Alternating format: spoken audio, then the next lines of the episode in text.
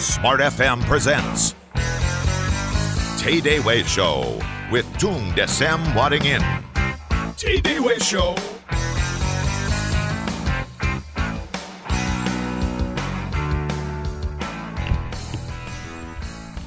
Halo salam dahsyat Indonesia, apa kabar Anda? Riri Artakusuma kembali menyapa Anda dengan semangat di Senin pagi hari ini Apalagi kalau bukan di TDW Show Sudah ada Patung di sini Patung, selamat pagi, salam dahsyat Selamat pagi Mbak Riri, selamat pagi Indonesia yang saya cintai. Salam dua syat, mbahnya dua syat. Mbahnya. Ini sekarang hari ini Smart Listener saya yang jadi host, Mbak Riri yang jadi pembicaranya begitu ya. Karena enggak, ini enggak. Mbak Riri ini baru menggali ilmu dari Amerika satu Wow, wow. bulan. Wah, Waduh, waduh, ilmu jurnalistik gitu ya. Online media, televisi, wah keren. Langsung, kok langsung Wah. keringetan ya, soalnya Wah. hostnya Patung Aduh, kalau hostnya Alina mungkin masih pede Wah, tenang saja. Bagaimana pengalaman selama di aduh, Amerika? aduh, aduh. Satu Ntar- bulan di mana saja? Eh, ini sebenarnya yang ketiga kali kalau patung nanya gitu. Setiap narasumber. Pokoknya Ya, pertama itu di Washington tiba di Ya, Reagan mm, Airport. Kemudian dari Washington itu ke um, Denver, Colorado. Ya, Sampai kita mm. kita ke Fort Morgan sempat mampir. Fort Morgan itu kota terkecil juga di Colorado. Eh, di sana bag- eh, yang luar biasa ternyata saya baru tahu air itu eh, masuk dalam intellectual property right. Jadi Air. air Masuk intellectual property right. Maksudnya jadi, apa itu? eh, jadi di sana air itu kalau kita mau menggali air apa segala macam gitu ya untuk rumah kita kebutuhan rumah kita itu harus didaftarkan. Kalau di kota-kota lain enggak, tapi kalau di Fort Morgan itu harus didaftarkan karena kalau tidak itu di, masuk ilegal air eh, Air kayak tanah. pompa, heeh, air Nyedot tanah. air rakyat Iya, ini gitu Iya, ya. gitu. Itu itu nggak boleh. Nah, dari situ kita beranjak ke Minnesota, Minneapolis itu terkenal dari eh, sebagai Twin City, em, kota kembar eh, eh, St. Paul itu di sana. Nah, di sen- eh, di sinilah saya belajar banyak mengenai eh, etika jurnalism. Kemudian eh, saya banyak belajar mengenai eh, radio karena dapat eh, juga magang gitu, pekerja job shadow di sana. Terus udah gitu sama eh, etika bisnis online di sana. Apa yang bisa di-share tentang misalnya etika jurnalisme misalnya kalau ada berita-berita pembunuhan boleh nggak tuh difoto gambar-gambar Ah. pembunuhannya, mayatnya gitu? Itu balik lagi kalau menurut etika memang sebetulnya tidak boleh. Tapi berhubung ketika kita berbicara media adalah berbicara pemiliknya juga ownernya. Jadi tergantung siapa pemiliknya dan apa yang ingin disampaikan. Itu yang itu yang uh, mereka tekankan. Tapi ketika kita berbicara etika jurnalistik, apa pun gambar, uh, kata-kata atau kemudian eh, suara yang disampaikan itu paling tidak memberikan satu informasi kepada ya, pendengar ataupun penonton ataupun yang melihat gambar tersebut. Pokoknya memberikan eh, satu motivasi, inspirasi. Saya sih cuma ketawa kayak oh kayaknya Smart FM sih sudah mudah-mudahan gitu Oh, very sebagai good. radio. Rane- radionya radio smart gitu ya. Kalau- Untuk orang-orang yang smart juga gitu ya. Beritanya harus smart gitu ya. Nah itu dia Pak Tung. Yes. Dan terlebih eh, sekarang itu juga dibahas mengenai etika jurnalistik penggunaan media online seperti eh, Facebook, Twitter. Apakah eh, sekarang bisa di kita bisa mengklaim bahwa berita-berita yang masuk dari dari Facebook ataupun Twitter itu sebagai media yang eh, sebagai berita yang benar adanya itu harus di cross check kembali karena kadang-kadang sekarang jurnalis semakin berkembangnya sosial media mereka semakin mudah meng akses berita yang tidak tahu juntrungannya dari Betul. mana disiarkan di radio lah Betul. ampun Nah. padahal cuma dari Facebook gitu ya. Dari Facebook ataupun dari Twitter. Nah itu harus diklarifikasi sedetail mungkin. Jadi tidak boleh asal, tidak boleh mudah untuk mengklaim ini sebagai satu berita yang fix, apalagi kemudian diinformasikan kepada uh, Masyarakat viewers luas. ataupun Hmm. masyarakat luas. Itu tidak boleh. Um, Sebenarnya masih banyak lagi sih kalau kak. Terus kalau untuk radio sih yang saya pelajari di Minnesota itu um, sistemnya keren banget, keren banget. Jadi apa itu? eh, setiap eh, studio itu jadi diba- dibagi tiga. Ada st- studio untuk morning show kemudian untuk afternoon show sama evening show. Jadi eh, nggak nyampur gitu. Kalau di Indonesia bagaimana itu? Eh, semua masih nyampur Oh, jadi di nanti situ. Smart FM tolong ya dibuat seger gitu ya. Iya kayak gitu. dibuat Nah, ter- dahsyat. Yes. Ternyata bagusnya kenapa? Jadi semua host, produser itu konsentrasi eh, untuk tempatnya gitu, eh, tidak tidak pusing-pusing maksudnya.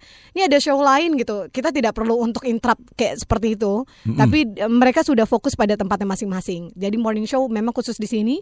Kemudian di depan itu sudah ada layar monitor bahwa saat ini ada acara ini, produsernya ini, sistemnya semua sudah oke, itu uh, nanti kelihatan. Ada yang satu kurang, itu layarnya pasti akan merah. Jadi kalau misalkan ada mic atau uh, ada sistem yang masih error, itu di luar layarnya masih merah. Tapi kalau Hmm. hijau semua berarti everything well done. Wow, Gitu. Jadi ini ini Mbak Riri Artakusuma ini sedang dari Amerika setelah satu bulan di sana dengan penuh ilmu penuh semangat wajahnya saya lihat seger banget wajahnya senyumnya separuh seperti wajahnya terbelah begitu tapi yang pelajaran yang menarik salah satu kemarin saya baru nonton di televisi di Jepang itu ada satu hutan yang khusus untuk bunuh diri Hutan khusus untuk bunuh diri. Iya, dan itu saking eh, banyaknya diskor. Jadi oh tahun ini 240 orang bunuh diri di sana, tahun ini 80 orang, jadi berapa tahun. Tapi yang menarik di sana adalah ketika berita-berita ini eh, ceritanya dimuat, bunuh diri makin lama makin banyak. Sampai akhirnya dilarang, di stop. Jadi mass media tidak diperkenakan memberitakan berita bunuh diri yang ada di hutan tersebut. Langsung drop tuh. Oh. Oh berarti yang ikut menganjurkan bunuh diri ini siapa nih ayo? Nah, Bukan ini- menganjurkan, tapi kembali lagi berita tersebut ternyata memancing suatu hal yang lain. Hmm. Nah, tapi inilah yang menarik di etika jurnalisme itu bagaimana itu? Iya, tapi em, memang patung sebetulnya begini. eh, ketika kita belajar, saya sih ya melihatnya ini da- dari Hmm. kacamata purely karena saya sebagai student ketika ke sana gitu ya. Hmm. Hmm. Saya melihat kalaupun kita berbicara jurnalisme, etika eh, jurnalistik dan segala sesuatunya, pada aplikasinya Amerika sendiri pun memang eh, they have Masih- to learn. Oh, mereka masih juga harus belajar. Everybody must learn. Iya, iya, iya. Ah, Artinya kalau kita berbicara media-media yang masih berpihak di sana pun masih banyak. Oh, sponsor men. Ah, Iya, itu itu masih banyak dan eh, ada satu kawan saya yang dari India mengatakan bahwa em, am- eh, kita kadang-kadang berpikir eh, berpikir global dan eh, act-nya juga global. Nah, kalau di Amerika eh, think global, act local. Mm-mm. Jadi mereka benar-benar untuk media sendiri itu mengutamakan apa yang dibutuhkan sama masyarakat lokalnya. Mereka nggak nggak peduli itu misalkan di luar sana d- walaupun ya ada sih ada berita-berita internasional yang mungkin akan diadopt untuk menjadi satu informasi bagi masyarakat lokal, tapi kontennya itu dan komposisinya tidak terlalu banyak. Mereka lebih eh, mengutamakan konten-konten lokal dan itu benar-benar menginspirasi dan eh, juga untuk masyarakat sekitar. Jadi mereka nggak terlalu berpengaruh dengan oh di ujung sana ada apa. Mm-mm, dengan Di damai sana- jadi lebih ke lokal fokus ke lokal berita begitu. ya? Betul dan orang di sana pun lebih su- menyukai eh, konten-konten yang sifatnya ini benar-benar bermanfaat untuk sekitar Hmm. saya gitu. Apa sih yang terjadi di daerah saya? Apa yang sebetulnya bisa saya manfaatkan di daerah saya? Jadi mereka tidak terlalu pusing-pusing untuk eh, misalkan di Irak sana ada apa, ada apa, ada apa gitu. Itu itu Wow. seperti itu. Saya dengar-dengar juga ada koran yang umurnya ratusan tahun di sana langsung sudah meninggal dunia begitu dengan damai begitu ya. Eh, saya ke sana itu ke saya kurang tahu ya patung untuk yang Kalau di itu. dunia koran. Mhm. Kalau di koran itu saya ke Washington, Washington Post Washington sama uh, New York Times. Mm-mm. Kalau ke New York Times sebenarnya itu tidak terlalu banyak apa yang kita bisa pelajari karena kita itu cuma belajar sirkulasi New York Times dan bagaimana Mm. New York Times itu sekarang eksis untuk ke sosial media online, uh, Hmm, Facebook. hmm. Uh, itu menjadi komposisi pembahasan yang cukup banyak, Koplahnya hampir turun terus yang istilahnya versi cetaknya. Iya betul, Eh, karena memang semua segala macam sekarang ini eh, orang sudah beralih ke online, media online. Jadi eh, buku pun Mm-mm. di sana itu turun drastis Ya, karena mm. orang lebih suka baca e-book. Hmm, Gitu. Sudah mulai ke Kindle, mulai ke segala macam iPad. Iya. Gitu, Ini makanya di bahkan sana. ada prediksi lagi gitu. Jadi dunia ini bergerak sangat cepat.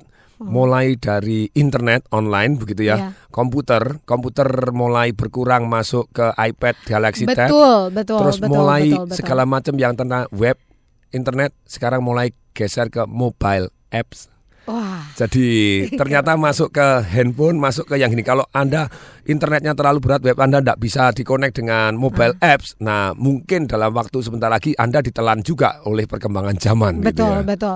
Jadi memang eh, yang saya pelajari juga di sana bahwa eh, PR bagi jurnalis eh, jangan gaptek. Oh, jangan jadi gaptek.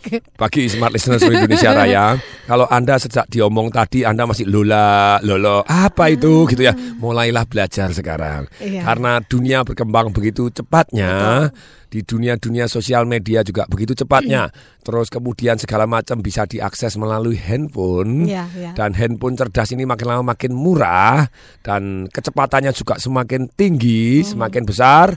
Nanti lama-lama ini gitu ya, seperti pasar basah yang tertelan oleh pasar modern.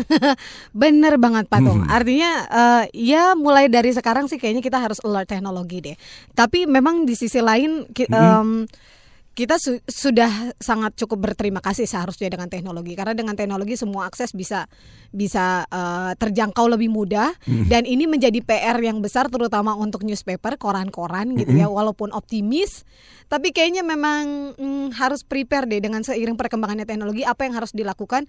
Karena untuk mengatasi oplah turun terus buku-buku juga seperti itu. Karena semakin lama perkembangan saya yakin arahnya memang akan semakin ke sana.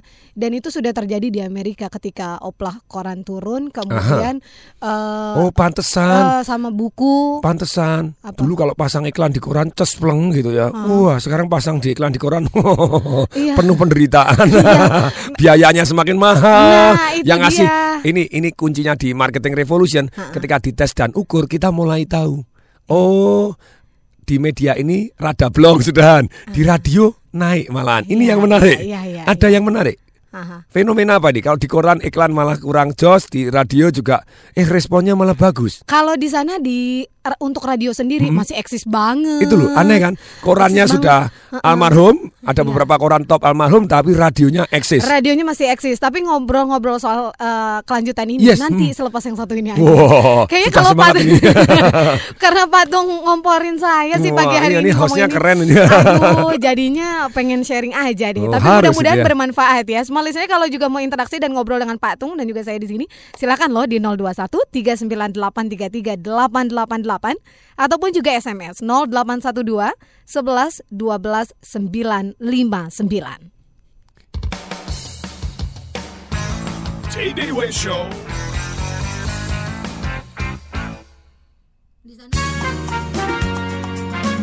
Asuransi Tripakarta secara profesional memberikan jaminan perlindungan kepada nasabahnya.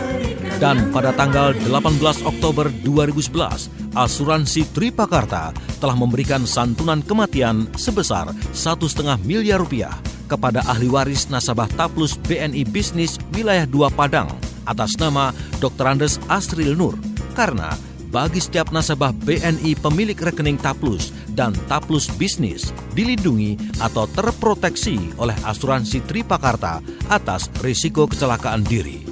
Untuk kebutuhan asuransi Anda, hubungi asuransi Tripakarta terdekat di kota Anda atau kunjungi website kami di www.tripakarta.go.id.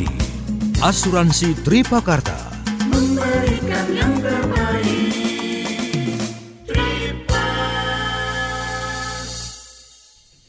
Ya, semua listener bagaimana gaya hidup modern yang smart bagi Anda? Hidup nyaman yang praktis, serba otomatis yang sesuai dengan kebutuhan kita. Nah, kini semakin banyak perangkat elektronik yang menawarkan berbagai kenyamanan yang praktis.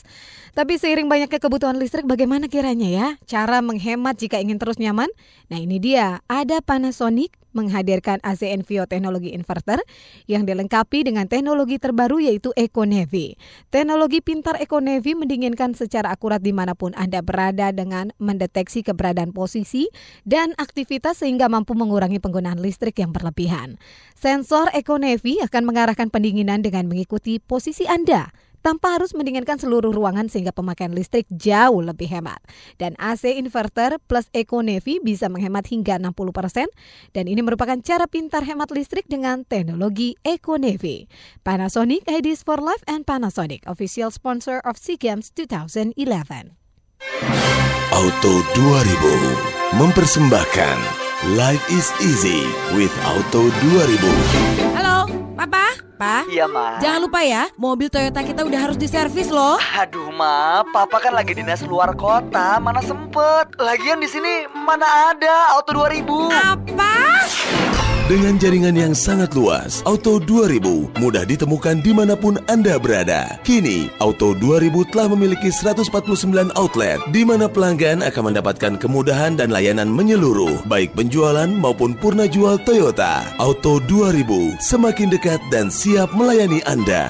Papa, Auto 2000 itu ada di mana-mana, jadi jangan alasan deh. Eh, iya, Pokoknya iya, Ma, iya, Ma. sekarang Iya, Papa iya. servis mobil ke Auto 2000, Iya, terus Ma. abis Iya, itu iya. langsung buruan Iya, pulang ke rumah. Titik. Tunggu episode berikutnya. Life is easy with Auto 2000.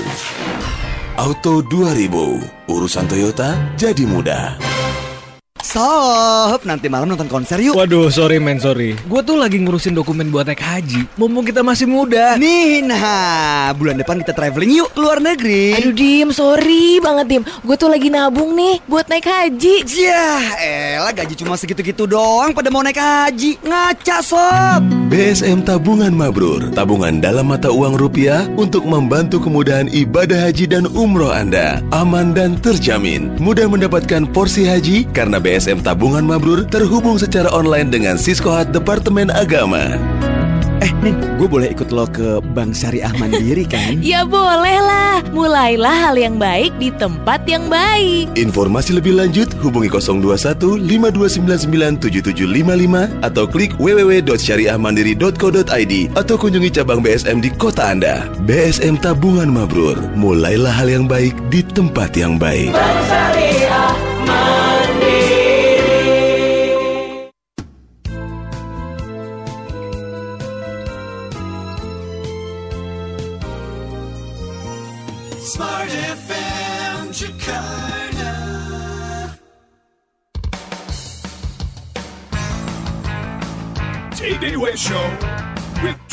Tung Desem Wadding In.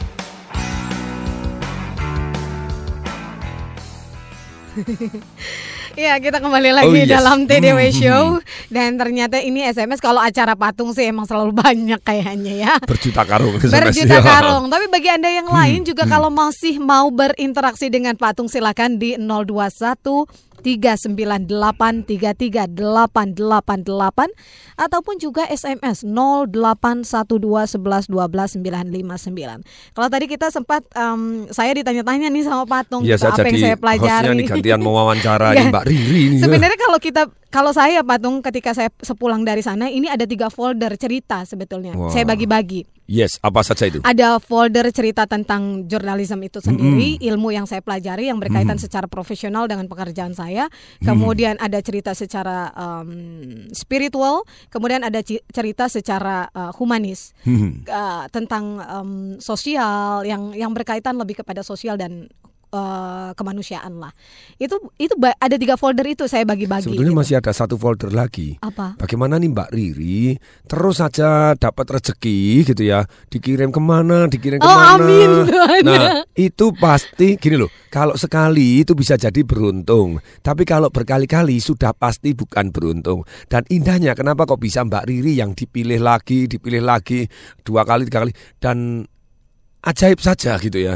Jadi pasti sukses itu meninggalkan jejak. Lah kalau kita ikutin jejaknya, sukses itu terjadi dengan sama gitu ya. Nah Oke. boleh share nih Mbak Riri kenapa kok yang bisa kepilih ke Amerika dulu ke negara ke mana ke Ke Korea. ke Korea dan dulu sempat hampir ke Jepang gitu ya atau hampir Ah, ke mana nah, iya. nah terus ini apa sih rezeki ini dapat dari mana sih kok ngetop banget ini Mm. Tante Riri ini Jadi Yes. speechless sendiri Ah, gitu. Ditanya apa ini tuh? penting ini Um, kalau ke Amerika, saya, saya percaya um, uh, life without networking is nothing. Itu yang aha pertama. aha Ah. life without networking Is nothing. nothing. Iya. Uh, Networking itu bentuknya apa? Apakah seperti yang dikatakan dengan banyak silaturahmi, kita Iya. banyak rezeki seperti itu? Eh iya, sebenarnya kalau di, di konsep kebetulan saya juga muslim patung Ya, gitu ya.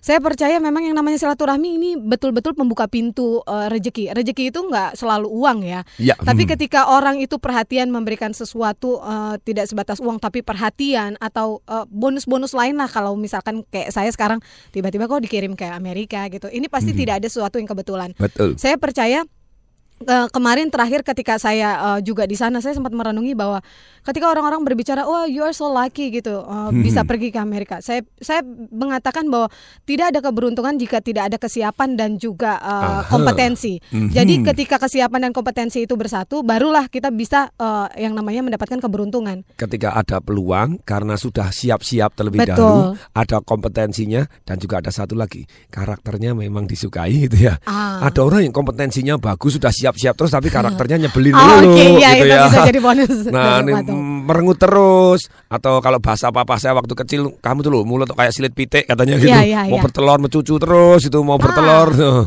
I see Nah, Patung aha, ya kompetensi karakter dan siap-siap gitu Dan ya. siap-siap, ya. dan karakter betul betul. Ah, Ah. karena saya eh, saya selalu ingat em, yang Pak Tung sampaikan Hmm. eh, ini yang diambil dari bukunya Sound Acre, Hmm, ya hmm. kan bahwa ketika eh, orang yang eh, lebih menyenangkan orang yang fun itu akan mendapatkan eh, Rezeki lebih reze- banyak. rezeki lebih banyak gitu. Dan ini Peluang lebih banyak kenaikan gaji lebih besar. Aha. Benar sekali. Ini sempat saya sharingkan di grup saya sendiri. Mm-mm. Eh, saya kebetulan gabung di Southeast Asia Pacific gitu ya. Mm-mm. 10 orang gabung itu dari Macau, eh, East Timor, Papua New Guinea, Tonga, Australia, eh, Kamboja dan Thailand, Singapura. Itu semua mengatakan kalau mereka bilang saya Miss Happy. Wow, Gitu. Miss Happy. ketika mereka bercerita eh, ber- kita berkenalan ketika di salah satu forum ketika mereka bercerita bagaimana tantangan Mhm. sebagai seorang jurnalism Ya. Eh, saya justru pas terakhir saya bilang begini, Anda Anda hebat Hmm. dengan konteks yang sangat luar biasa cerita Anda dan bagaimana pengalaman Anda Anda luar biasa. Eh, tapi saya punya cerita yang menarik karena memang saya bukan jurnalism, tapi saya punya satu cerita yang menarik bagaimana saya happy dengan pekerjaan saya as broadcaster. Saya Hmm. bilang gitu. Akhirnya bilang, "Oh ya kenapa happy? Selain saya punya acara Smart Happiness," saya bilang gitu. Tapi akhirnya mindset saya juga berubah. Akhirnya di sana Hmm. eh, ada beberapa teman saya, terutama dari Thailand dan Singapura. eh, Oke Riri, sometimes we have to learn how uh, to happy. Gitu. I'll always happy Yes. every single day gitu. uh, like you said gitu. Uh, bagaimana kita terus bisa happy? Akhirnya saya saya akhirnya di sana kayaknya mirip-mirip patung dan narasumber. Saya bilang happy itu soal mindset deh. Cara Kalau- hidup. Cara hidup. Bukan situasi dan kondisi. Nah, Nah, hidup betul. penuh pilihan gitu ya. Betul dan kemampuan kita memang untuk memilih patung. Hmm. Kalau misalkan nggak bisa ya nggak bisa. Jadi eh, boleh jadi anda saat ini bukan senang, eh, bukan happy tapi senang karena dikirim ke Amerika dan kemudian kalian senang.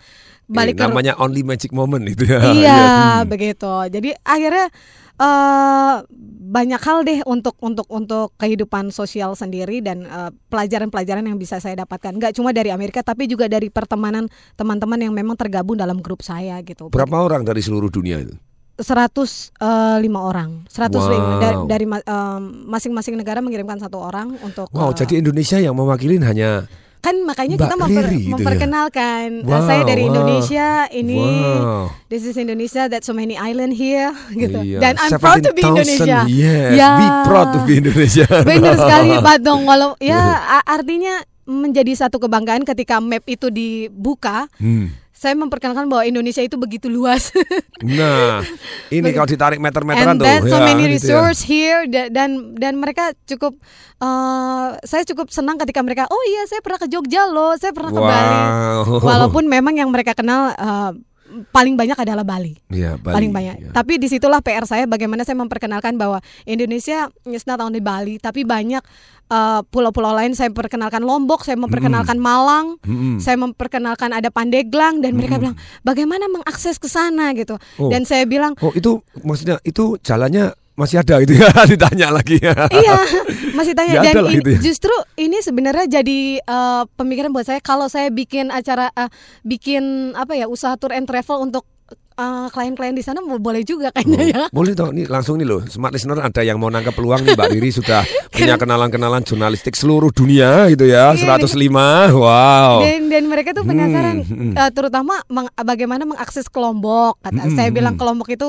cukup mudah walaupun aksesnya agak, agak sedikit sulit tapi ketika kalian sampai di sana Hmm. ini ini sangat-sangat berbeda dan ini lebih indah daripada Bali yang biasa kalian lihat saya bilang gitu Jualan komodo nggak? Pink Ah, Beach. ju- Pantai Iya pink. iya iya saya juga saya cerita soal Seluruh komodo. pantai warnanya Saya pink. cerita saya cerita soal cendrawasih. Hmm. Itu ya, yang pokoknya yang paling membahagiakan dan merasa bahwa ya ampun saya tuh bangga menjadi Eh, Indonesia, Indonesia. itu Mhm. ketika saya berkesempatan untuk menceritakan Indonesia lebih dalam di Columbia University dan di um, eh, di Colorado Academy. Hmm. Itu itu benar-benar eh, saya bangga untuk menjelaskan ini loh Indonesia gitu. Wow. Itu pertanyaan gini, eh, jelaskannya pakai bahasa Inggris. Ya iyalah. oh, masa pakai bah- Karena saya masuk di dalam ini, saya nggak ada interpreter. Yang ada interpreter itu Hmm. eh, dari em, dari China, kemudian Afrika, kemudian em, eh, wilayah eh, Arab Saudi, Arab Saudi dan eh, kawan-kawannya lah ya itu. Aha. Terus untuk Pakistan Mhm. dan kawan-kawan Asia Tengah Mhm. itu ada interpreternya. Tapi saya masuk kebetulan di Eng- English group, jadi Karena ada. sudah lancar bahasa Inggrisnya kan gitu ya. Eh, sebenarnya begini Pak Tong, lancar nggak lancar yang penting sekarang mau belajar dan pede. Tuh. Lancar nggak lancar yang Smart penting. listener, ini pelajarannya. Karena kalau dipikir Yang penting pede dulu. Kalau ngomong bahasa Inggris kan semua pasti bisa. Yang tidak bisa kan yang cuma yang dengerin ya kan. Tapi Tenang aja hajar. Betul, tapi pada akhirnya ketika kita mau belajar dan kita benar em- memang mau belajar, toh di Hmm. sana saya juga paham kok apa yang disampaikan. Mm-mm. Dan dan mereka eh, cukup mengerti kok kalau misalkan kita kurang paham atau tidak karena mereka juga tahu this is not uh, this is Mother not your- language, ya. Iya, mother language. Hmm, Jadi bahasa nggak nggak ibunya. apa-apa. ha. Tapi itu Hmm. menjadi PR bagi kita. Artinya ketika kita mungkin belum terlalu bisa ataupun eh, biasa-biasa aja Hmm, standar. dalam bahasa Inggris. hmm. Betul, ini menjadi PR untuk bagaimana kita meningkatkan kemampuan kita dalam berbahasa. Karena saya Hmm. bisa membayangkan gini, ketika kemampuan saya misalkan eh, range dari Satu eh, sampai sepuluh. 1 sampai 10 saya berada di posisi 7 Mm-mm. gitu ya. Saya membayangkan ketika posisi itu eh, berada di 9 atau mendekati 100, Wow. saya saya nggak bisa kebayang peluang apa saja yang bisa saya tangkap karena ini aja yang begini aja itu Yang- banyak peluang sudah saya Nah. lakukan secara Itu akhirnya namanya dari sudut kompetensi. Siap-siap sudah bisa bahasa Inggris kompetensinya. Jadi bisa ke sono gitu ya. Ya, Kalau enggak tidak bisa ini gitu ya. Iya, ya betul sekali Patung. Jadi pada intinya kalau balik lagi ketika Patung bertanya em, masalah eh, bagaimana bisa terpilih, ya itu yang Hmm. pertama networking dan Networkingnya berkenalan. Saya ini ini loh. Saya punya banyak host, saya punya banyak teman. Tapi ini Mbak Riri doang nih yang tiap minggu BB saya gitu ya. Hai gitu. Dan ke mana-mana gitu. Jadi Ah. tetap membina hubungan begitu ya. karena eh, ternyata Patung bukan cuma Patung yang menyampaikan. Kebetulan karena Mm-mm. memang saya tiap Senin bertemu dengan Patung. Ketika saya sepulang dari Amerika, saya berkesempatan untuk bertemu Pak Anies Baswedan. Beliau pun berkata hal yang sama. Sometimes it's a simple things gitu loh. Menjalin menjalin silaturahmi atau networking ini sebetulnya hal simpel, tapi kadang-kadang kita terlalu males untuk melakukannya. Kita kita tahu bahwa silaturahmi itu mungkin me- mempunyai banyak manfaat, tapi kenapa kok males gitu loh? Melakukannya itu Padahal aja. ini mau Dan- digaris mau digaris bawain ini Mbak Riri. Kemarin Sean Ecker dalam bukunya yang sampai detail lengkap. Dalam satu kesimpulan dalam bukunya dia yang tentang happiness. Hmm. Satu single faktor yang paling mempengaruhi happiness manusia bukan uangnya, bahkan bukan kesehatannya. Ini yang menarik. apa tuh Patung? Dukungan temannya. Dukungan teman. Oh iya. Jadi networking tadi, jadi satu single faktor yang poinnya setelah diteliti lebih dari 200 penelitian di 375 ribu orang Ya. di seluruh dunia, Ya. one single faktor yang truly make difference banyak single faktor yang banyak adalah dukungan teman. Orang yang operasi jantung ternyata yang tidak ada dukungan temannya, tidak ada dukungan keluarganya, Mhm. itu eh, kemungkinan matinya 30% lebih banyak. Oke. Ini yang menarik. Jadi dukungan teman tadi networking seperti yang dikatakan oleh Mbak Riri ini tadi ternyata selain mendukung kita untuk happy juga mendukung untuk karir kita, mendukung Ya. untuk rezeki kita. Betul, betul, betul. Itu memang penting sekali. Artinya uh, dan juga sekarang saya uh, coba membiasakan untuk kembali ke semula. Mungkin terkes, uh, terkesan mungkin agak-agak konservatif gitu ya. Kalau misalkan sekarang kan zamannya ada BBM Blast. Yes. Di, hmm. Di BBM Blast semua misalkan Aha. ya uh, selamat pagi semua di Blast gitu. ya. Tapi ternyata saya belajar bahwa untuk uh, lebih kepada um, personal Ha. itu lebih touching. Halo, Kayaknya Mbak saya harus Riri. Mbak, ya. Ah, Halo Saya- Pak Tung. Ah, Iya. itu eh, saya Mas, mau Mas. balik ke zaman yang itu aja. Very kayaknya. very good. Iya, itu lebih personal dan ternyata itu lebih lebih me- apa ya ber- berarti dan mer- manusia itu merasa oh iya saya saya benar-benar ada loh buat dia gitu lah. Kayak orang yang ucapkan selamat lebaran, Ya. selamat tahun baru. Kalau saya pribadi by name gitu ya. Iya. Walaupun orangnya bales saya di bless saya by name. Iya. Selamat hari ini kelihatannya sudah nih. "Oh, iya, iya, iya, Iya, iya." iya, iya. Kita harus break Saking semangatnya ngomong nih. Nah, yang sudah SMS tidak usah khawatir. Nanti selepas yang satu ini kita akan berbincang-bincang lagi gitu ya. Dan eh, juga akan saya bacakan SMS-SMS Anda yang juga mau telepon boleh loh. Di 021 398 33888. Jangan ke mana-mana kami segera kembali. Tay-Day Way Show.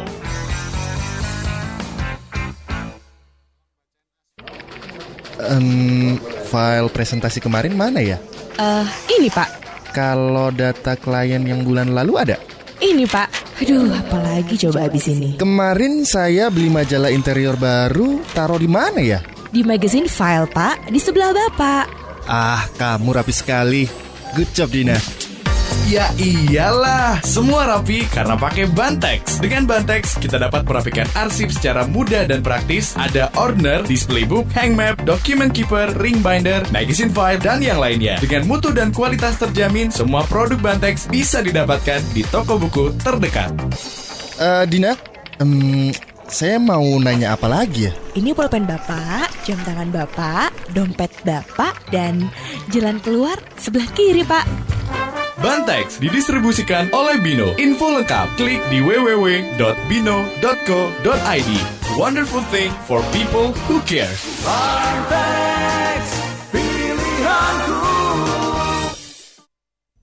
semua listener datang dan ikutilah Rakernas Asperkindo dan workshop bisnis untuk umum dengan tema kiat sukses mengelola bisnis rental kendaraan. Nah, dengan menghadirkan pembicara Bapak Andianto Setiabudi dari Cipaganti Group dan Ibu Noni S.A. Purnomo dari Bluebird Group dan Bapak TP Rahmat mantan Presiden Direktur Astra dan owner Triputra Group. Workshop merupakan kiat sukses mengelola bisnis rental kendaraan hari Rabu diselenggarakannya ya. Tanggal 30 November di Ballroom Hotel Niko Jakarta mulai jam 8.30 hingga jam 16 waktu Indonesia Barat. Dan Rakernas Asperkindo ini khusus untuk pengurus DPP dan DPD. 30 November mulai jam 18 bertempat di Ballroom Hotel Niko Jakarta. Nah, jika Anda membutuhkan informasi lebih lanjut silahkan hubungi Cesa di 0878 80987 008 dan Ibu Tiurlani di 0815 1005 3888.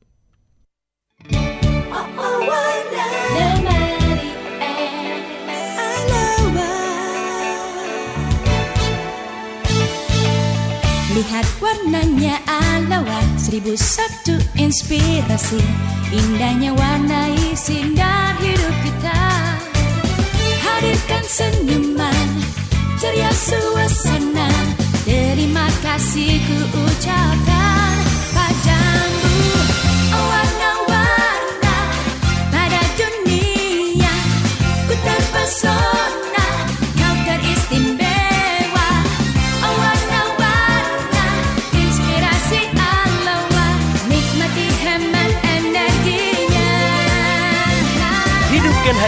keluarga dengan warna-warni dari lemari es Aloha Plus. Ada Sunset Orange, Savannah Green, Night Blue, dan warna lainnya. Aloha Plus, lawan gitu loh. Panasonic Ideas for Life.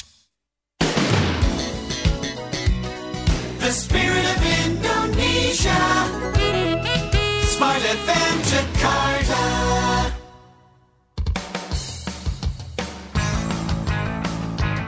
Way Show with Tung Desem Waddingin.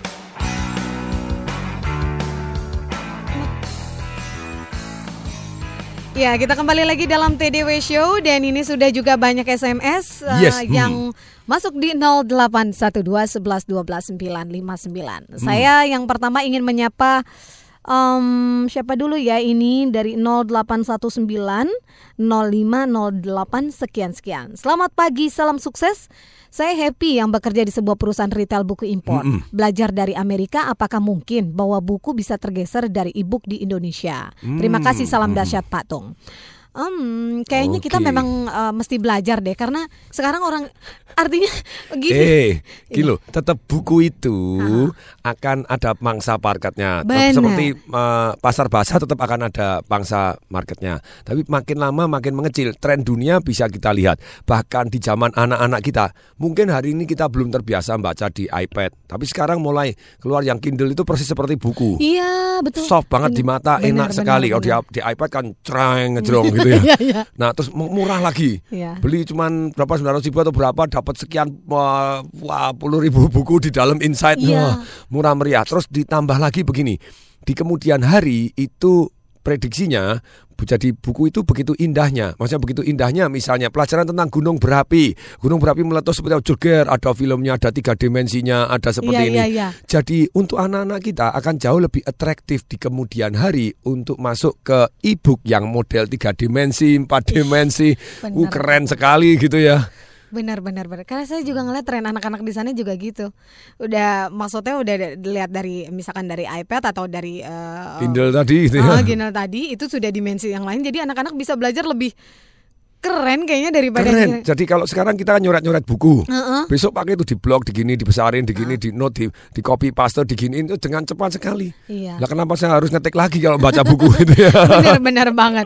Nah, itu dia ya untuk jawaban dari eh, Patung untuk eh, 08 mana tadi nih? 0819 Yes, sekian hmm. sekian. Tapi sebelum dilanjutkan Patung sudah ada dua penelpon menunggu. Oh, I'm kita, ready. Iya, kita terima dulu ya. Halo, salam dahsyat. Selamat pagi. Halo. Halo, selamat pagi. Selamat pagi. Iya, silakan dengan Bapak siapa di mana? Dengan Ferry di Medan. Oh, silakan Uh, Pak Ferry. Salam dahsyat Pak Ferry, salam dahsyat Medan, Horas. Horas Pak, selamat pagi juga Pak. Silakan. Wah, saya, saya sangat senang bisa ketemu Pak Tung. Yes. Saya, saya dengar legendanya Pak Tung ini luar biasa memang Pak. Cuman saya belum punya kesempatan ketemu Pak Tung ini. Padahal saya sering ke Medan loh Pak. Oh iya Pak, Iya, saya Sa- baru dua, dua bulan ini di Medan Pak. Oh, baru dua bulan. Oh iya, iya. Oke. Bentar lagi balik lagi ke Jakarta. Hmm, hmm, hmm. Hmm, Silakan Pak Cuman- Ferry. Iya Pak, Eh, jadi gini Pak, ma, saya baru dengar tadi di mobil pengalaman Mbak di Amerika gitu Yes. ya, menceritakan tentang Indonesia. Sebetulnya saya juga dulu waktu kecil saya I spend my childhood di Filipina Pak. Jadi Oh, ini warga internasional nih. Iya. betul Pak. Jadi Mhm.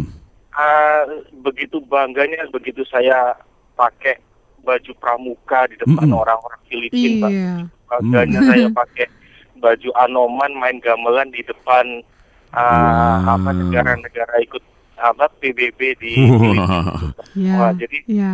uh, saya tapi sayangnya orang Indonesia itu Mhm. nasionalismenya tumbuh begitu ada di luar negeri, Pak. Iya, Oh, di betul, Indonesia Pak. lupa jadi orang Indonesia. Betul. Iya, betul. Betul. Ini jadi PR kita ya, Pak ya. Iya, Iya. cuman tadi pagi saya juga baru lihat berita uh, tentang Bu Nunun Nurbaiti gitu. Ah. Cuman Oh. Nah ini yang saya sayangkan gitu kan kalau orang lain ditakut-takutin menyembunyikan tersangka kasus itu pasti diancam hukuman ini itu ini itu kenapa Pak Dadang Doro Jatun tidak dikenakan ditakut-takutin seperti itu gitu loh. Oke. Enggak Nah, takut jadi- orangnya. Oke. Yes. gitu. Iya. Jadi saya kira uh, cobalah nasionalisme ini kita, kita tumbuhkan Tetap dari dijaga Hmm. juga ya, Pak ya. Ah, betul. Mm-mm. Yes. tidak hanya waktu kita di luar negeri. Iya. gitu. Iya, benar. Baik. Terima kasih Pak Ferry. Salam dasar Pak. Salam iya, dahsyat Pak salam Ferry. dahsyat untuk Pak Ferry juga. Berikutnya. Ini- yes, silakan. eh, nanti dulu. Oh, ini sudah semangat nih mau nafsu aja mau jawab ini. Kelihatan, kelihatan. Wajahnya ngeden sudah. Oke, halo, salam dahsyat. Selamat pagi. Selamat pagi. Selamat pagi. sekali Pak Tung dan Mbak Riri. Oh, ini Iya, Pak ini- siapa ini? Saya dapat Saya- atmosfer dahsyatnya patung nih, Pak. Iya, dengan Saya Bapak Komar siapa? di Semarang, Mbak Riri. Dengan Pak Komar? Yes, Oh, Oke, silakan. Salam Ini- dahsyat Pak Komar. dahsyat sekali Pak. Silakan, Pak Komar. Luar biasa Pak. Tung. Mm-mm. Dari cerita Mbak Riri tadi cukup menarik. Satu Mm. hal pertanyaan saya, Iya. semua yang dikomentarin tadi baru hal-hal sisi yang sangat positif yang baik terhadap, terhadap Indonesia. Pertanyaan Mm-mm. saya adalah, adakah yang mengomentari dari sisi negatif terhadap eh, orang-orang Indonesia yang di sana? Pengalaman dari adik saya yang pernah ke Singapura, Mm-mm. Malaysia, dia sempat ah ini orang Indonesia gitu. Wah, belum tahu oke, dia orang Indonesia oke. keluar dari Ya, Singapura ya, bangkrut Apakah Singapura. Seperti itu, Ya, Mbak ya, ya. Terus yang kedua, maaf, Mm-mm. saya hanya mengingatkan Pak Tung dan Smart Yes, beberapa waktu yang lalu Mm-mm. bahwa ketika ada acara Pak Tung dengan tema bersyukur, Mm-mm. eh, saya sebetulnya termasuk salah satu dari lima orang yang mendapat buku. Tapi sampai sekarang belum Sampai dapat. Dan dengan detik ini saya belum Oh, terima, saya konfirmasi ke Smart Jakarta karena sudah dikirim ke Semarang. Saya telepon ke Semarang, katanya belum terima. Ah, Mohon Oke. penjelasannya. Terima kasih. Baik. Selamat pagi. Terima Selamat kasih. Baik, terima kasih Pak Komar, iya nanti ini menjadi PR nanti saya akan orang yang sampaikan. bersyukur nih dapat hadiah tapi belum keterima. Jadi terpaksa tinggal bersyukur dulu hadiahnya belum dapat. ya, Pak Komar, mudah-mudahan Yes. Anda bisa bersabar nanti saya akan sampaikan ke tim saya gitu ya. Oke, eh, Patung dari Pak Ferry dulu nih soal nasionalisme. Iya, saya jadi ingat pada waktu pertukaran pelajar saya kepilih untuk ke Taiwan waktu itu. Aha. Harus menarikan jaran kepang gitu. Wah, kita bawa jaran kepangnya dari Indonesia waktu show di sana wah lelah bangganya ampun-ampunan gitu ya. Ya, itulah Mas sometimes orang Indonesia itu baru bangkit nasionalismenya kalau sudah di luar negeri. Apa gimana diusir ke luar negeri dulu semua itu. Eh, saya saya nggak tahu ya patungnya. Kalau saya pribadi, Hmm. saya justru semenjak saya kebetulan saya juga sebelum saya berangkat ke Amerika itu, em, saya sudah punya satu eh, NGO kecil-kecilan saya eh, dengan teman-teman saya Care for Education itu untuk Hmm. pendidikan. Dari situ, dari kalau saya memang sudah merasa ini menjadi tanggung jawab tanggung jawab saya sebagai Yes. anak muda untuk mem- terus eh, memiliki dan menjaga nasionalisme dan kemudian saya turunkan ke adik-adik saya. Hmm. Nah, ketika saya pergi ke sana, itu semakin tumbuhnya luar biasa dan ini menjadi tambah menjadi aduh, ini udah deh gitu. eh, jelek bagus ini negeri saya gitu. Dan tanggung jawab saya. Dan tanggung jawab Kalau saya. jelek ya tanggung jawab kita untuk memperbaiki. Mulai dari siapa? Ya dari kita sendiri gitu Betul ya. sekali Patung. Artinya memang eh, ke luar negeri iya nasionalisme kita semakin bertambah dan jangan sampai balik lagi ke Indonesia itu hilang. Tapi saya alhamdulillah enggak sih. Tambah besar. Lihat Tambah wajahnya besar. ketahuan ini senyum-senyum gitu ya. Tambah besar. Apalagi Hmm. eh, saya kemarin juga melihat salah satu tontonan di salah satu televisi swasta ada seorang Hmm. Yang sekolahnya itu dia dia bera- berasal dari pelosok desa di gunung, kemudian dia mendapat kesempatan S2 di Kanada. Hmm. Kemudian dia balik ke Indonesia dan mendirikan sebuah komunitas alam itu didedikasikan bagi anak-anak eh, di sekitar wilayah pegun- pegunungan yang rumahnya di desa-desa di pegunungan Hmm. itu untuk mendirikan sekolah. Eh, artinya bagi saya sebetulnya banyak kok anak muda Indonesia yang tidak hanya ketika keluar negeri eh, Ya. nasionalismenya bangkit, tapi sebetulnya pada dasarnya dia juga memiliki nasionalisme. Jadi mm, masih banyak lah anak-anak muda kita yang sekarang juga punya nas- nasionalisme juga luar biasa. Saya Yes, kayak itulah. Jadi Smart Listener seluruh Indonesia Raya, banggalah di, dari Anda lahir di Indonesia, tinggal di Indonesia. Iya, iya. Apalagi nanti ya, kalau tunggu tanggal mainnya 2012, 2013, Amerika, hmm, Eropa. Eh, eh, iya emang lagi dehem-dehem. Nah, kalau mereka batuk-batuk terus stroke, nah Iya, iya. nanti mungkin saya tidak tahu kalau 2020, 2030 Iya. kita ini kalau pergi ke Amerika seperti negara kaya pergi ke negara miskin. wow, itu baru keren tuh. Bisa jadi. Eh, Ah. Banyak lah yang bisa kita banggakan. Eh, artinya kalau saya sih eh, adat ketimuran yang saya masih tetap punya Mhm. sebagai bangsa Indonesia itu saya bangga. Artinya kalaupun saya nggak bisa pikir kalau di sana terutama di Washington itu pernikahan sesama jenis itu sudah disahkan. Mhm. Eh, jadi di mana pun saya bisa dengan bebas melihat mereka yang eh, mungkin ba- Sejenis. Eh, eh, gitu. Jadi anggar dong.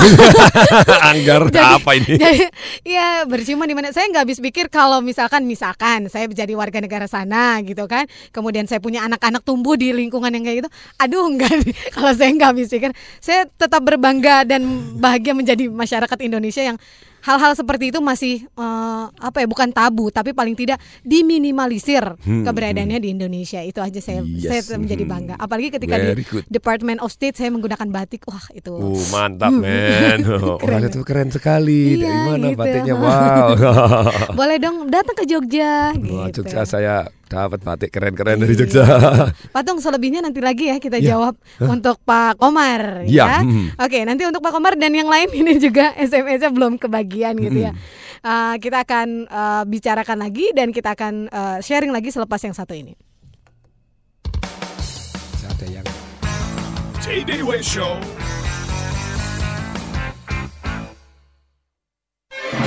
Auto 2000 mempersembahkan Life is easy with Auto 2000. Halo, Papa? Pa? Iya, Ma. Jangan lupa ya, mobil Toyota kita udah harus diservis loh. Aduh, Ma, Papa kan lagi dinas luar kota, mana sempet. Lagian di sini mana ada Auto 2000. Apa?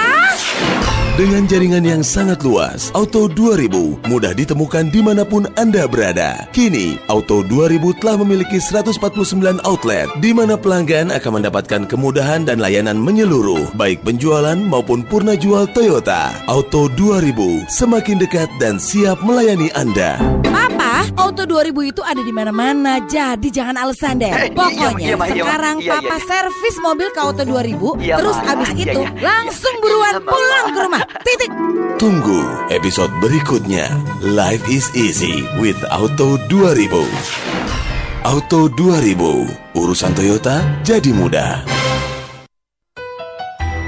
Assalamualaikum warahmatullahi wabarakatuh. Saya Zulkifli Hasan, Menteri Kehutanan Republik Indonesia. Di hari baik, bulan baik, menyongsong gerakan tanam dan pelihara pohon yang akan dilaksanakan pada tanggal 28 November nanti dipimpin langsung oleh Bapak Presiden. Mari kita sukseskan acara tanam 1 miliar pohon ini.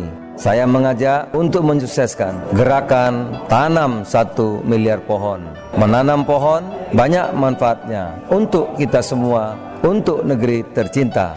Banyak pohon insya Allah akan banyak rezeki untuk bangsa Indonesia. Pesan ini disampaikan Direktorat Jenderal Bina Pengelolaan Daerah Aliran Sungai dan Perhutanan Sosial Kementerian Kehutanan.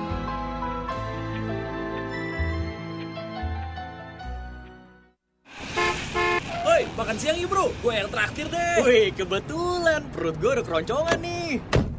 Wih bro, mobilnya baru nih. Iya dong. Sudah diasuransikan.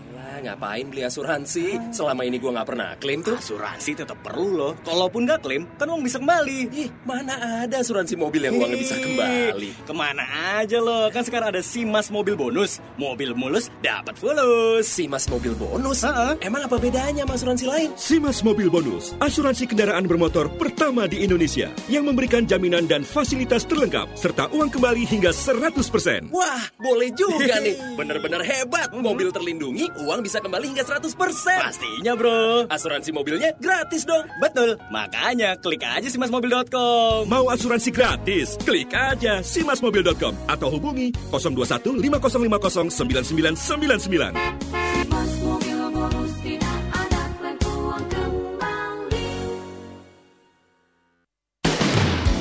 Feel the spirit, the spirit of Indonesia. Smart FM Jakarta.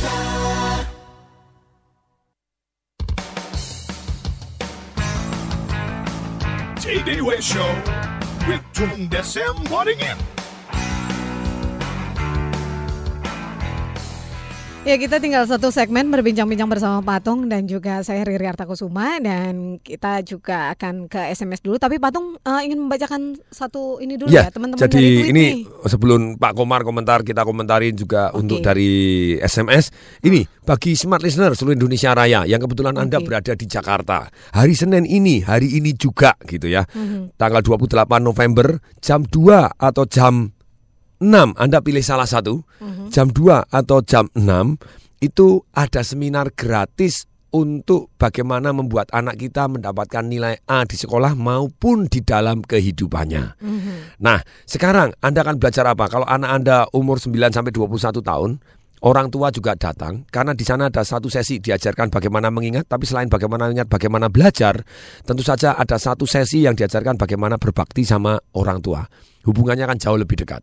Nah, seminar 3 jam ini gratis untuk 100 yang pertama. 100 yang pertama. Eh, Jadi hmm. caranya bagaimana? Oke. Anda SMS ke 08111 081 nya 3 kali Mhm. 63873. Saya ulangi 08111 081 3 kali 63873. Caranya Oke. ketik bagaimana? Anda ketik ST dan nama Anda. ST nama dan sesi 1 atau sesi 2 isinya sama gitu ya. Sesi 1 jam 2 siang nanti di Hotel Ciputra, sesi 2 jam 6 malam. Ini jadi Anda SMS ST singkatan dari Supertin, kemudian Iya. nama, terus kemudian sesi 1 atau sesi 2, SMS ke 08111 081 nya 3 kali Mhm. 63873.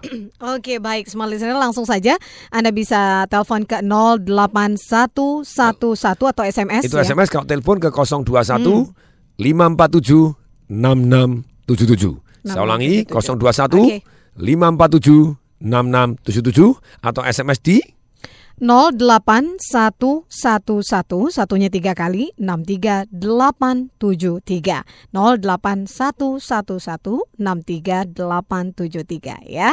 Itu dia nomor telepon atau juga nomor SMS yang bisa Anda eh, kirimkan untuk mendaftarkan seminar seperti ini ya Patung ya. Yes. hmm. Oke, baik.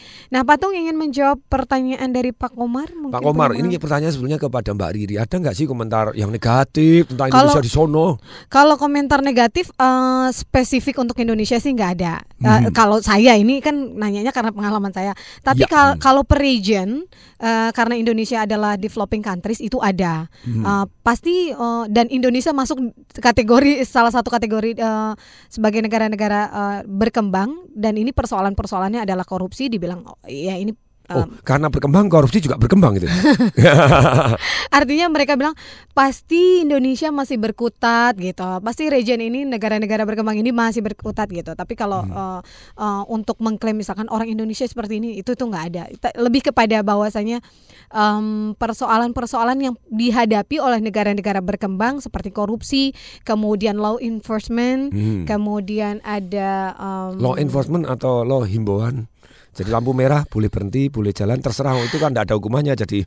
Oh, ini kali ya. Iya. Nah terus em, oh soal kesehatan. Yes, Soal hmm. kesehatan itu masih masih menjadi eh, perbincangan di sana. Tapi kalau saya pribadi saya nggak mengalami itu kok. Eh, Hmm. To be honest. Bukan ditutup-tutupin tapi memang nggak ada. Saya nggak ngalamin. Dan mereka juga ramah. Ramah. Tapi tergantung patung. Kayaknya kalau saya lihat tergantung karena kalau Loh, di gini, katanya mereka agak muslim fobia padahal Mbak Riri ini pakai jilbab tuh bagaimana di sana? Enggak, enggak. Saya di sana enggak ngalamin. Mereka friendly ya? Friendly. Saya di New York itu waktu saya mau Mm-mm. melihat eh, exhibition art em, Indonesia, ternyata ada di di tapi Ah? Mus- walaupun Hah? memang di agak-agak kalau kita ngegang kali ya namanya, mm. kalau kita ngegang itu. Itu di sana tuh di Oh, tapi pinggiran. New York tuh ganggang semua memang Iya, ya. memang. gitu. Tapi ada juga yang nggak Iya, gangnya. gede-gede Iya, jalannya. gede-gede ya. Eh, Apa namanya? Itu ada kayak preman-preman gitu lah, preman-preman Hmm. jalanan. Mereka tetap gaul-gaul gitu dengan menyapa, "Hai, Ma'am, Assalamualaikum." Gitu. Wih, keren. Jadi saya gini, oh ini, ini ya preman ampun." gaul juga. Iya, dengan pakai pet-pet topi gitu yang kita Hmm. lihat kayak kayak di film-film Amerika.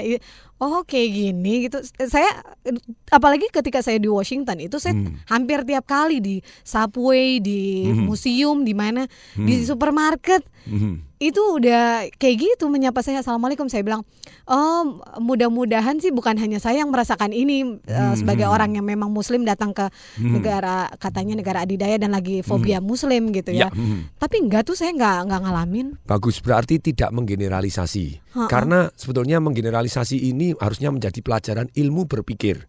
Karena kadang sampai kita S1, S2, S3 tidak pernah ada pelajaran ilmu berpikir. Maksudnya ilmu berpikir itu ada beberapa macam. Salah satunya kelemahan dan kelebihan ilmu berpikir bahwa manusia itu cenderung menggeneralisasi. Hmm. Satu teroris dianggap satu agama, agamanya teroris. Padahal enggak loh. Kalau menurut saya bahkan kalau agama Islam kan di Al-Qur'an itu selalu ayatnya dimulai dengan kata-kata Bismillahirrahmanirrahim yang artinya Eh, dengan menyebut nama Allah yang maha pengasih lagi maha penyayang Wow, maha pengasih dan maha penyayang. Tidak ada lah orang misalnya mau membunuh dengan ngomong Bismillah dulu kan tidak ada itu ya. jelas-jelas dimulai dengan kasih sayang Lu ya masa tak bunuh Bismillah kan tidak bisa kan itu ya. Iya, iya, Jadi sebetulnya ini agama yang sangat penuh kasih sayang. Tapi kembali lagi ada orang-orang tertentu yang tidak pernah mendapat pelajaran berpikir. Iya. Mereka mendapatkan satu menggeneralisasi. Hmm. Satu salah berarti orang ini seumur hidup salah terus. Satu paragraf dari buku jelek berarti seluruh bukunya jelek. Misalnya ada satu kata-kata salah berarti orangnya ini bencekno seumur hidup. Padahal kan tidak juga. Mhm. Jadi ternyata manusia dengan mudahnya menggeneralisasi itu sering kali mencelakakan dalam kehidupan manusia. Hmm. Jadi Anda mendapatkan musuh yang banyak, mendapatkan begini karena Iya. menggeneralisasi gitu ya. Iya. Jadi mestinya harusnya ada pelajaran berpikir. Sayangnya di Indonesia tidak ada itu ya. Sampai S3 pun tidak ada loh. Iya. Ada pelajaran logika, tapi logika itu seperdelapan dari ilmu berpikir. Hmm. Tapi belum ilmu berpikir.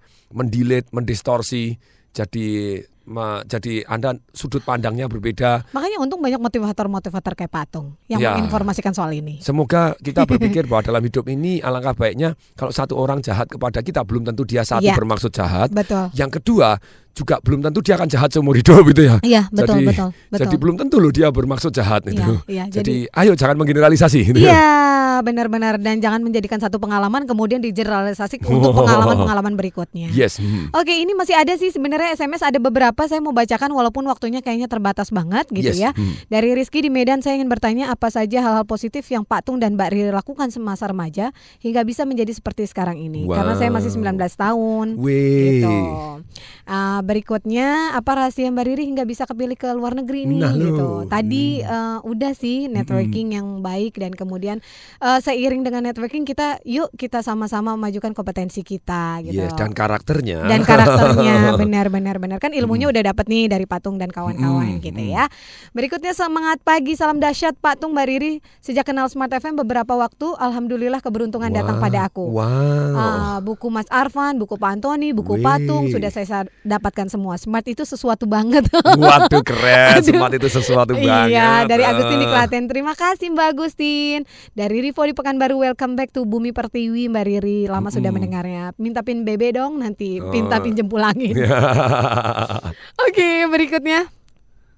Eh, selamat pagi Pak Tung, salam Yes, dahsyat. hmm. Saya Indra di Cibubur. Hari Minggu ke Jembatan Gantung beli mangga di Pasar Glodok. Saya maju karena pencerahan Pak Tung. Oh, Wow. berpantun. Karena patung i- bawa golok bukan Iya, di dengan glodok. ilmunya yang dengan ilmunya yang saya godok. Oh wow, komplit belakangnya. Oke deh, Wow, keren wow, keren wow. keren. Kemudian eh, dari John di Depok, Pak Tung membangun networking seperti Mbak Riri membutuhkan kematangan mental. Bagaimana Mm-mm. Pak membangun mental yang tangguh dalam segala situasi? Singkat aja Pak Tung. Silakan. Iya, seperti tadi. Ternyata kita butuh sedikit effort yang lebih dibanding orang yang lain. Ketika kita say hi, bukan just hi, tapi hi sebut nama. Ketika Anda balas selamat lebaran, bukan selamat lebaran, tapi selamat lebaran Mbak Riri. Misalnya begitu. Itu sam usaha yang kita butuh kecil tetapi eh, min sesuatu banget gitu loh ya bagi Meaningful orangnya. ya. meaningful karena disapa nama gitu ya. Dan ada orang-orang tertentu yang rutin menyapa kita just say hi thinking of you today how are you Mbak Riri misalnya gitu. Dan itu terjalin satu hubungan kebatinan. Dan ketika kita melakukan kontak secara rutin tidak perlu tangguh-tangguh Amir kita butuh kebiasaan. Iya. ternyata rezekinya buka gitu ya Betul betul Pak silaturahmi gitu ya. Iya. rezekinya buka itu keren itu. Ya sudah dapat ilmunya dari Patung. Mudah-mudahan informasi dan juga apa yang disampaikan oleh Patung Dan juga saya bisa bermanfaat eh, bagi Anda dan juga mencerahkan gitu ya. Ada satu inspirasi baru yang mungkin bisa nantinya dilakukan Oke, kita sudah harus akhiri nih Patung Gak perbincangan terasa kita. loh, kelihatannya baru mulai uh, itu Ah, udah itu udah lewat Oh, banyak iya, oh, gitu oke, ya. oke. Oke, semua listener kita harus eh, tuntaskan perbincangan kita pada kesempatan pagi hari ini. Terima kasih banyak. Jangan lupa eh, seminar eh, Super Teens ya. Anda bisa registrasi ke 08111638873 atau telepon ke 021 547 6677. Kalau kurang jelas nanti hubungi Smart FM saya akan informasikan Anda gitu ya. Yes. Oke, saya Riri Artakusuma. dan Tung Desa Waringin Kami berdua mengucapkan Salam salam dahsyat. That was Tay Day Way Show with Tung Desem Wadding In. Brought to you by Smart FM Network.